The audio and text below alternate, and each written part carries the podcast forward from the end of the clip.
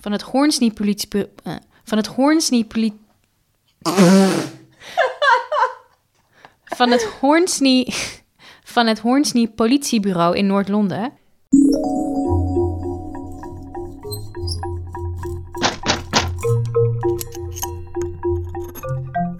Al sla je me dood. Ik heb ook nog iets spannends meegemaakt trouwens. Maar echt, echt zeg maar, vers van de pers vandaag. Vers van de pers heb jij iets spannends meegemaakt. Laat me niet langer in spanning. Vertel. Ja, vandaag. Ik was met ehm, mijn familie, mijn gezin, mijn man en mijn zoontje... was ik naar Haarlem gegaan, gewoon voor een dagje. Ja? En wij hebben geen auto, dus wij nemen altijd een Green Wheels dan. Dus ehm, mijn zoontje was in de auto in slaap gevallen. Dus wij hadden de auto geparkeerd. Maar we hadden nog zeg maar een half uurtje te gaan op die teller. Dus we dachten, we, laten, zeg maar, we blijven gewoon met z'n allen in de auto zitten. En laten we hem lekker slapen. Nog even Je- een half uurtje. Mm, je hebt niet je kind achtergelaten in de auto, toch? nee, hè? nee, nee, nee, nee. We zaten er allebei bij. Mijn man heel langzaam, stil, rustig zo geparkeerd. En dan alles zo. En wij fluisteren, zullen we blijven zitten? Ja, is goed, we blijven nog even een half uurtje zitten.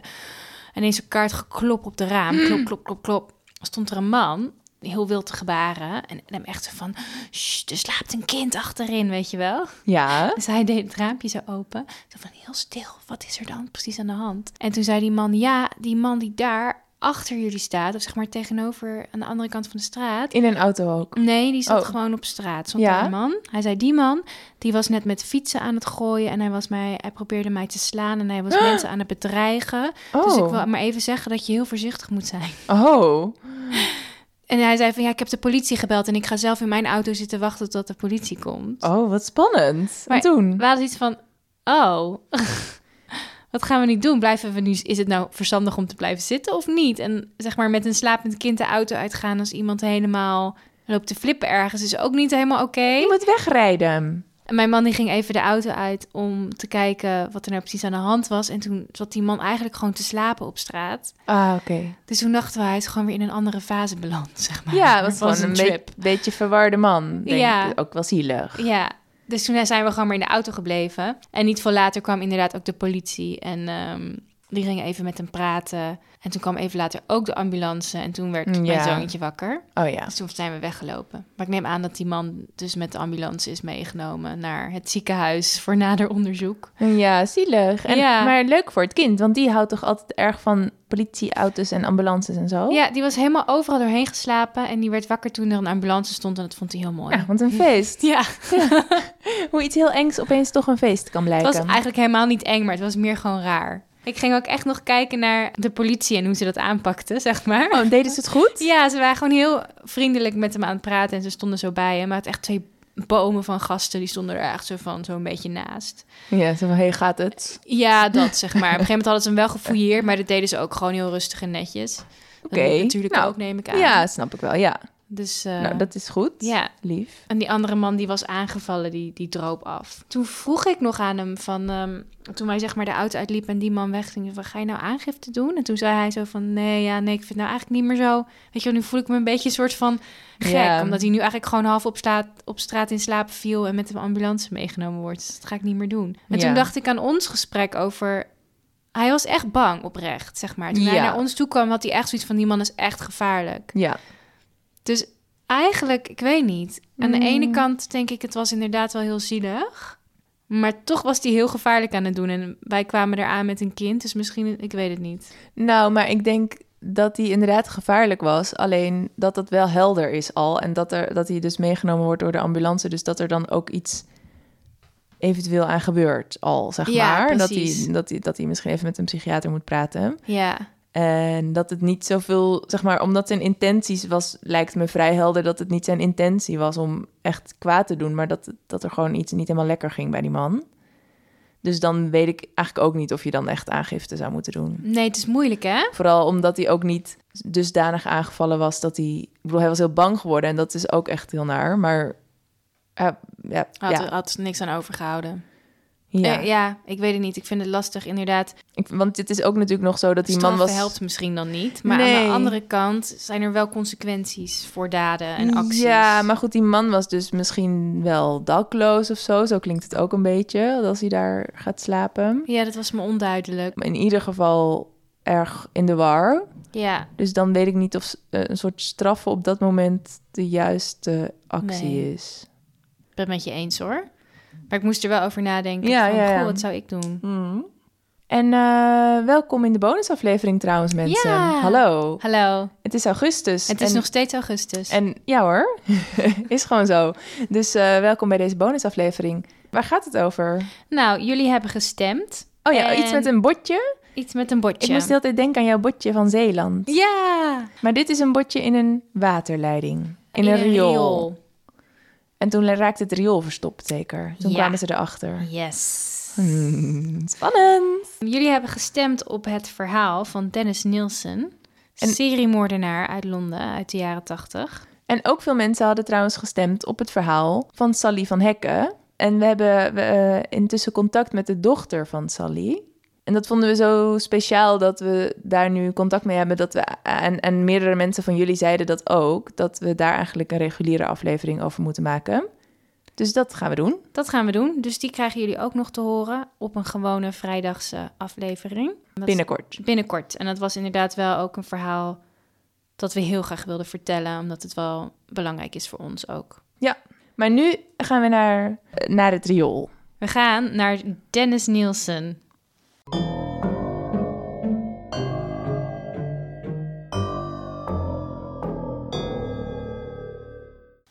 Het was 9 februari 1983 en Detective Chief Inspector Peter J. We zijn zeker weer in Engeland. Ja, ik vind dat zo mooi. Al die mooie termen die ze daar hebben Ik voor de mensen. Echt puur en alleen naar zeg maar de Police Academy gaan om dan uiteindelijk Detective Chief Inspector te worden. Maar het is ook gewoon Engeland. Volgens mij, als je daar gewoon op straat loopt, dan krijg je al een mooie titel. Zeg maar Nou. pedestrian. ja, toch? Ik ben ook heel snel tevreden. Nou, ik vind dat een prachtige titel. Nou, ik wil jij voortaan altijd wel pedestrian Annelies noemen. Heel hoor. graag. Oké, sorry. Het was 9 februari 1983 en Detective Chief Inspector Peter J. van het Hornsey politiebureau in Noord-Londen kreeg een verontrustend telefoontje van een van zijn agenten. Deze agent vroeg hem direct naar het adres 23 Cranley Gardens in Muswell Hill, Noord-Londen te gaan. Loodgieters waren een paar dagen eerder naar het adres gegaan vanwege een verstopping in de afvoerpijpen. En eenmaal op onderzoek naar de oorzaak daar hadden ze in het riool iets verdachts gevonden. Zo verdacht dat ze direct de politie hadden gebeld. Toen Detective Chief Inspector Peter J. ter plaatse kwam, zag hij een aantal agenten rondom een open putdeksel van het riool staan. De stank kwam hem al snel tegemoet en niet alleen de bekende stank van het riool. Oh. Toen hij in het putje keek, zag hij daar een hoopje vlees, vel en botten. Oh nee! Oh! En hoewel het op het oog natuurlijk niet meteen te bevestigen was, zagen alle agenten ter plaatse het meteen. Dit zijn de stoffelijke overschotten van een menselijke hand. Oh, en hoe, hoezo specifiek een hand? Misschien zagen ze nagels of zo. Ja, ze zagen het zeg maar allemaal bij elkaar. En Ja. Van die botjes zo, die knokkels zagen ze zo. Oh. Nou, dat begint goed. Oh ja, ik was even vergeten te zeggen, niet eten tijdens deze aflevering. Nee, dat is weer lekker op tijd. Ja. Als je nog iets in je mond hebt. Kun je het nu uitspugen? 23 Cranley Gardens was een groot oud huis dat verdeeld was in kleine flats. En deze verschillende flats deelden samen een overloop en een toilet. Oh, dus het was zeg maar van het hele gebouw was het de afvoer. Precies. Dus toen het toilet geblokkeerd raakte, was dat het probleem van alle inwoners van het huis. Het was de bewoner van de bovenste verdieping, de 37-jarige Dennis Nielsen, geweest, die de loodgieter had gebeld. Huh, terwijl je zou denken dat je als bovenste verdieping daar het laatste last van krijgt. Ja, maar ze deelden allemaal een toilet, hè? Dus ik weet niet waar dat toilet precies was. Oh, dat was één toilet. Eén toilet. Oh, oké. De loodgieter, een man genaamd Michael Catron, was de dag ervoor al langs geweest. En bij het openmaken van de rioolput naast het huis had hij gezien dat het vol zat met een rozige vleesachtige substantie Eeuw. en iets waarvan hij dacht dat het een klein botje was. En ging jij toen al meteen de politie bellen? Nee, het was s'avonds laat geweest en het was Oh. heel erg koud en hij had het niet goed kunnen zien. Dus hij had afgesproken met zijn supervisor dat ze de volgende dag terug zouden komen. Ah, oké, slim. Hij had toen al vermoed dat het misschien niet van een dier afkomstig was. En toen hij de vondst besprak met twee van de bewoners van 23 Cranley Gardens, Dennis Nielsen en zijn buurman Jim Cattrall, had Dennis gezegd: Het lijkt mij gewoon alsof iemand zijn KFC-resten door het toilet heeft gespoeld. Oké. Dus dat het een KFC-botje was. Maar hij dacht dus dat is waarschijnlijk van een mens. Daarom dacht hij dat het verdacht was. Ja. Ja. Toen de loodgieter de volgende dag was teruggekomen, was de substantie mysterieus verdwenen. Aha. Maar toen hij een andere rioolput openmaakte, vond hij het weer. Oh. En toen belde hij de politie. Ja, oké, precies. Oké. De stoffelijke resten werden naar de patholoog gebracht voor onderzoek, die het vermoeden al snel bevestigde. Dit was menselijk. En hiermee werd er tijd voor de politie om een bezoekje te brengen aan de huurder van de bovenste verdieping. Die dus een mens door de wc gespoeld Ja. heeft. Dat kan blijkbaar ook. Ja, Dennis Nielsen, ook wel Des genoemd. Ja. hè? Toen Nelson rond half zes de volgende dag thuis kwam van zijn werk, stonden Detective Chief Inspector Peter J. en twee collega's op hem te wachten. Toen Dennis de deur van zijn flat opendeed, kwam er een vreselijk rottende, stankende walm de agenten tegemoet. Oh. Het was onmiskenbaar de geur van vergane lichamen. En voor Dennis was het niet meer te ontkennen. Toen Peter J. onmiddellijk vroeg waar het lichaam verstopt was, gaf Dennis dan het ook meteen op. Daar, zei hij, terwijl hij naar een gangkast wees. In de gangkast lagen twee zwarte vuilniszakken, gevuld met de lichamelijke overschotten. Dennis Nielsen werd na de vondst ter plaatse gearresteerd en Ja. meegenomen naar de politieauto. En eenmaal in de auto geïnstalleerd, vroeg agent Steve McCaska aan hem hoeveel lichamen er in die zak zaten. Eén of twee? Dennis antwoordde droog: Ik heb 15 of 16 mensen vermoord. Drie in deze flat en de rest in mijn vorige woning. Huh? Oké, dus hij bekende meteen van alles. Ja, hij begon meteen te praten. Oké, handig wel. Ja, Misschien had hij bedacht, ik ga dit gewoon net zo lang doen tot ik gepakt word. En als ik dan toch gepakt word, dan komen ze er toch wel achter. Dus dan kan ik dit goed maar gewoon zeggen. ja dat hebben veel seriemoordenaars zelf. Ja, Dat ze, willen van- natuurlijk vaak ook graag erover opscheppen. Dat, ja. Ja. Oké, 16, 15 of 16. Ja. Jezus. Terwijl Dennis naar het politiebureau gebracht werd, onderzochten andere agenten de rest van de woning. Nu wordt het even gruwelijk, dus eh, Oké, ja, het is natuurlijk al dat de rottende stank die agenten tegemoet kwam. Dus die, die, die, die lichamen liggen daar maar in een gangkast al heel lang. Dus er zal nog wel meer gorigheid zijn.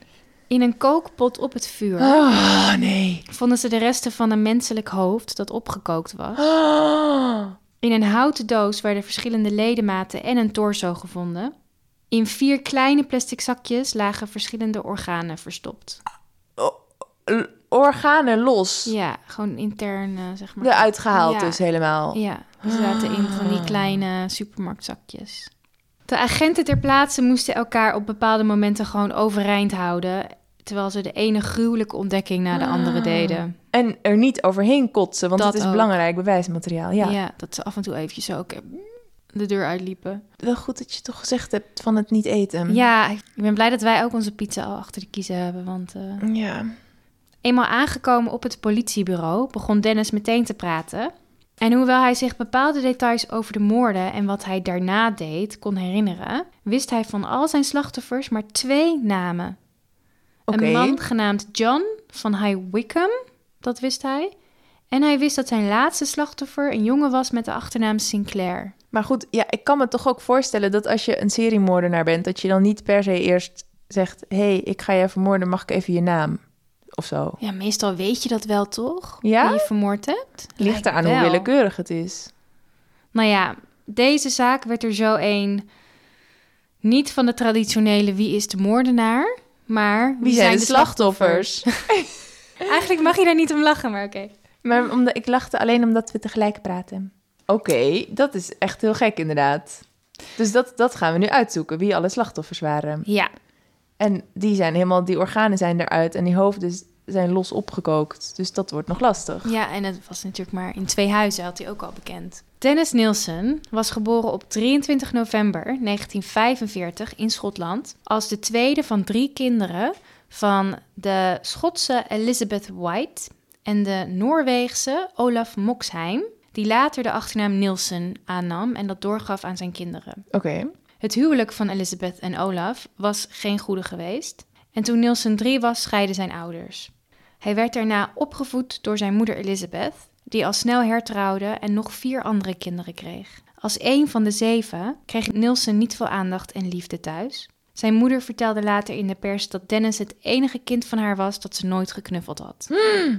Oh, dat is heel erg. Ja, En vooral als je dan de enige bent. ja, Dan ligt het dus helemaal blijkbaar aan jou, zeg maar. Dat, tenminste, dat eh, ga je dan denken natuurlijk. ja, Ja. heel gek. En dus zocht hij vaak het gezelschap op van zijn grootouders. Vooral met zijn opa was hij heel erg close, want die was degene die hem gewoon het meeste liefde gaf. Toen Dennis zes was, stierf zijn opa onverwacht aan een hartstilstand. Het feit dat zijn opa overleden was, werd hem niet uitgelegd door een van de andere volwassenen in Oh. zijn leven.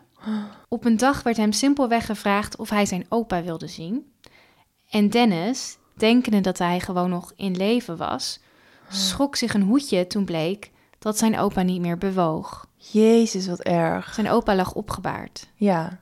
Volgens Nielsen was deze gebeurtenis in zijn formatieve jaren het trauma dat hem op een wel heel donker en duister pad zette.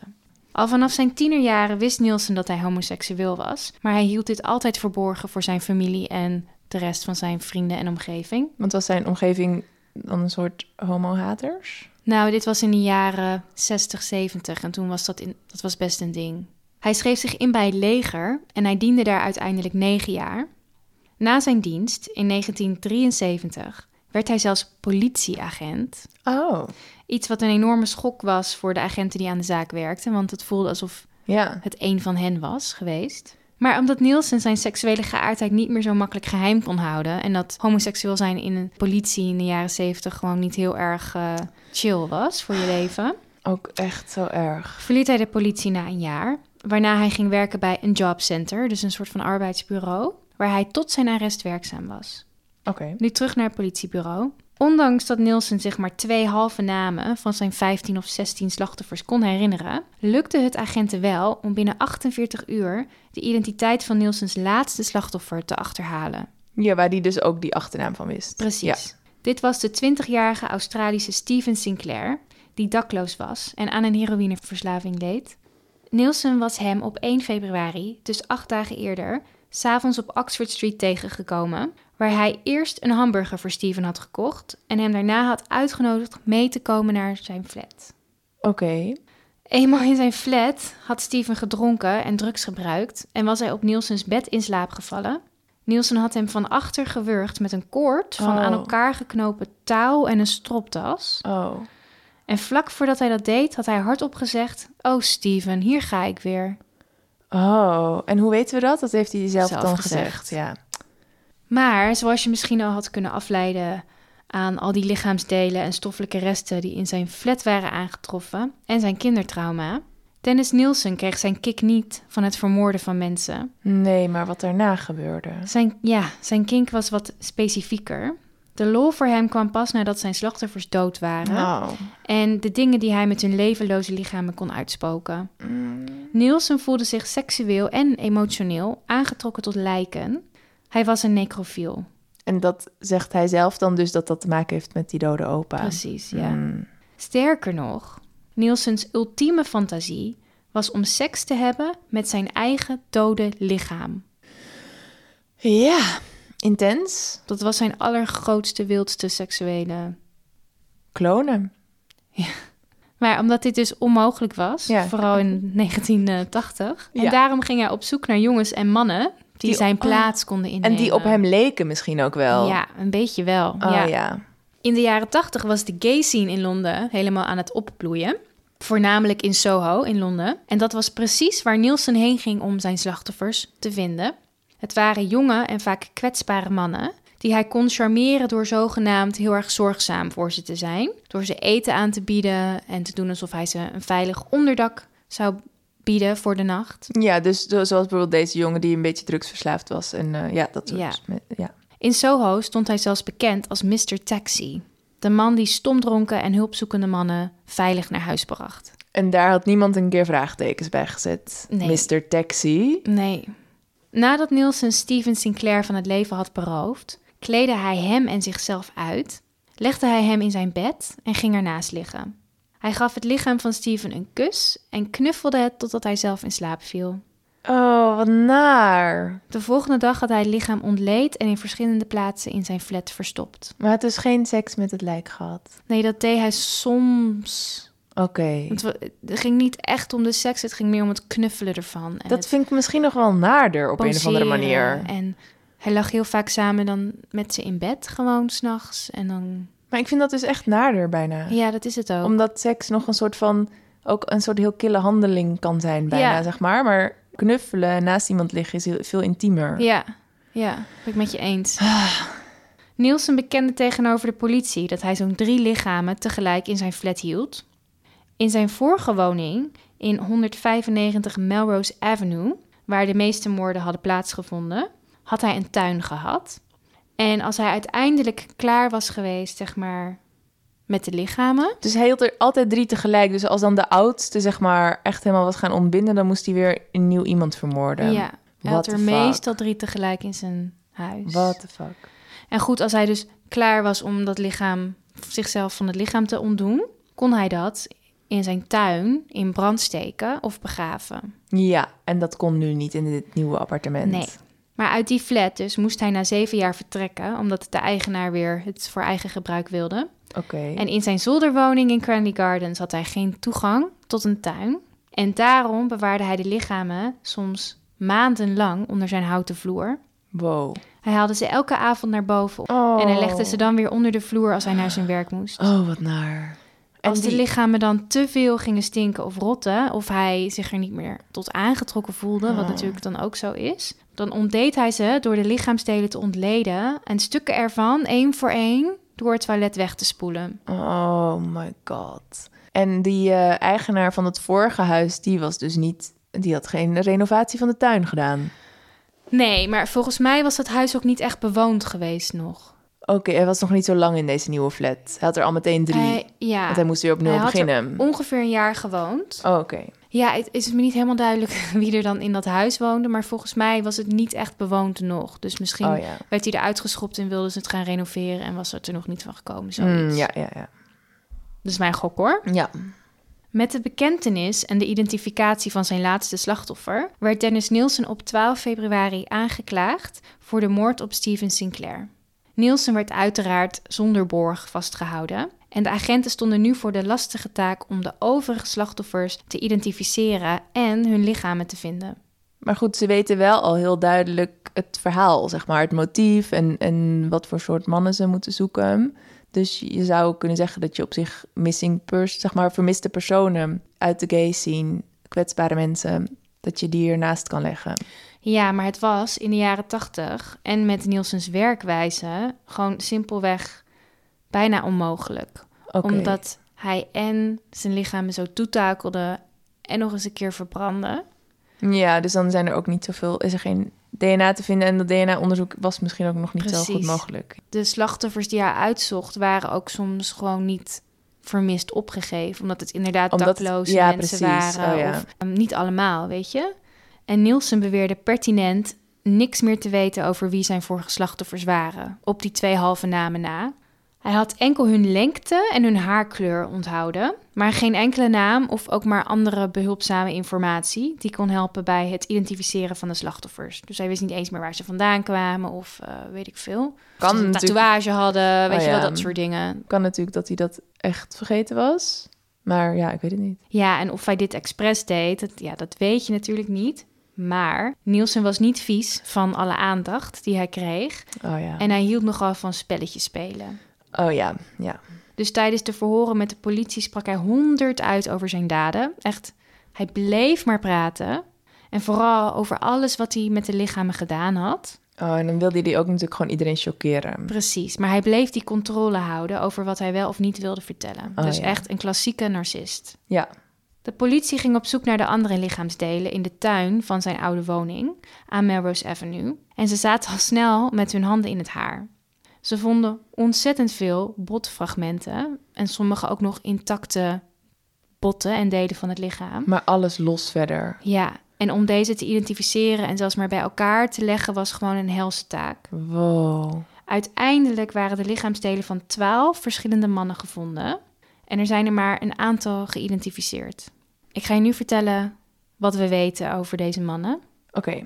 Op 30 december 1978 was Nielsen de toen 14-jarige Stephen Holmes 14. ja, tegengekomen in de Cricklewood Arms pub bij zijn huis in de buurt. Hij kocht alcohol voor de jongen en vroeg hem mee naar zijn huis te gaan om verder te drinken. Daar wurgde hij Steven met een stropdas totdat hij bewusteloos raakte en daarna verdronk hij hem in zijn bad. Oh, Nielsen hield zijn lichaam zeven maanden bij zich, wow. verstopt onder zijn houten vloer, totdat hij hem uiteindelijk verbrandde in zijn achtertuin. En ook toen dus al met een stropdas. Ja. Steven was dus vermoedelijk het eerste slachtoffer van Nielsen, maar zijn lichaam werd pas in 2006 geïdentificeerd. Oké, ja. Een jaar later, op 3 december 1979, lokte hij de 23-jarige Kenneth Ockenden, een backpacker uit Canada, mee naar huis.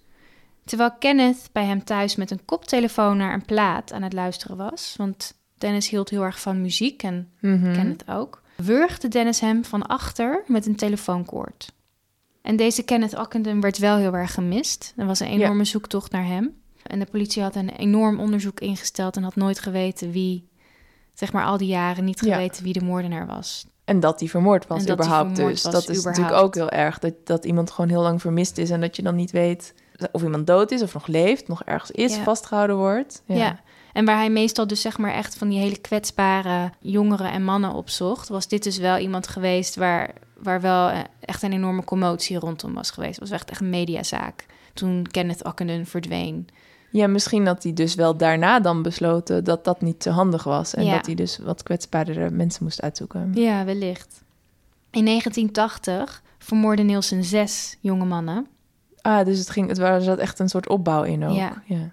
De 16-jarige Martin Duffy, die hij op een treinstation had opgepikt en in zijn bad had verdronken. Hij had zijn lichaam twee dagen bij hem in bed gehouden, voordat hij hem onder de vloer had verstopt. In augustus van dat jaar lokte hij de 26-jarige William Sutherland naar zijn flat. William was de vader van een jong kind. Hij was verslaafd geraakt en af en toe werkzaam als sekswerker. Hij had hem in Soho in Londen ontmoet en thuis gewurgd. Sutherland was niet helemaal Nielsen's type geweest, want hij was wat sterker en stoerder geweest in uiterlijk. Volgens Nielsen ging hij slapen en toen hij wakker werd, lag daar ineens weer een dode man naast hem in bed. Ja, doei.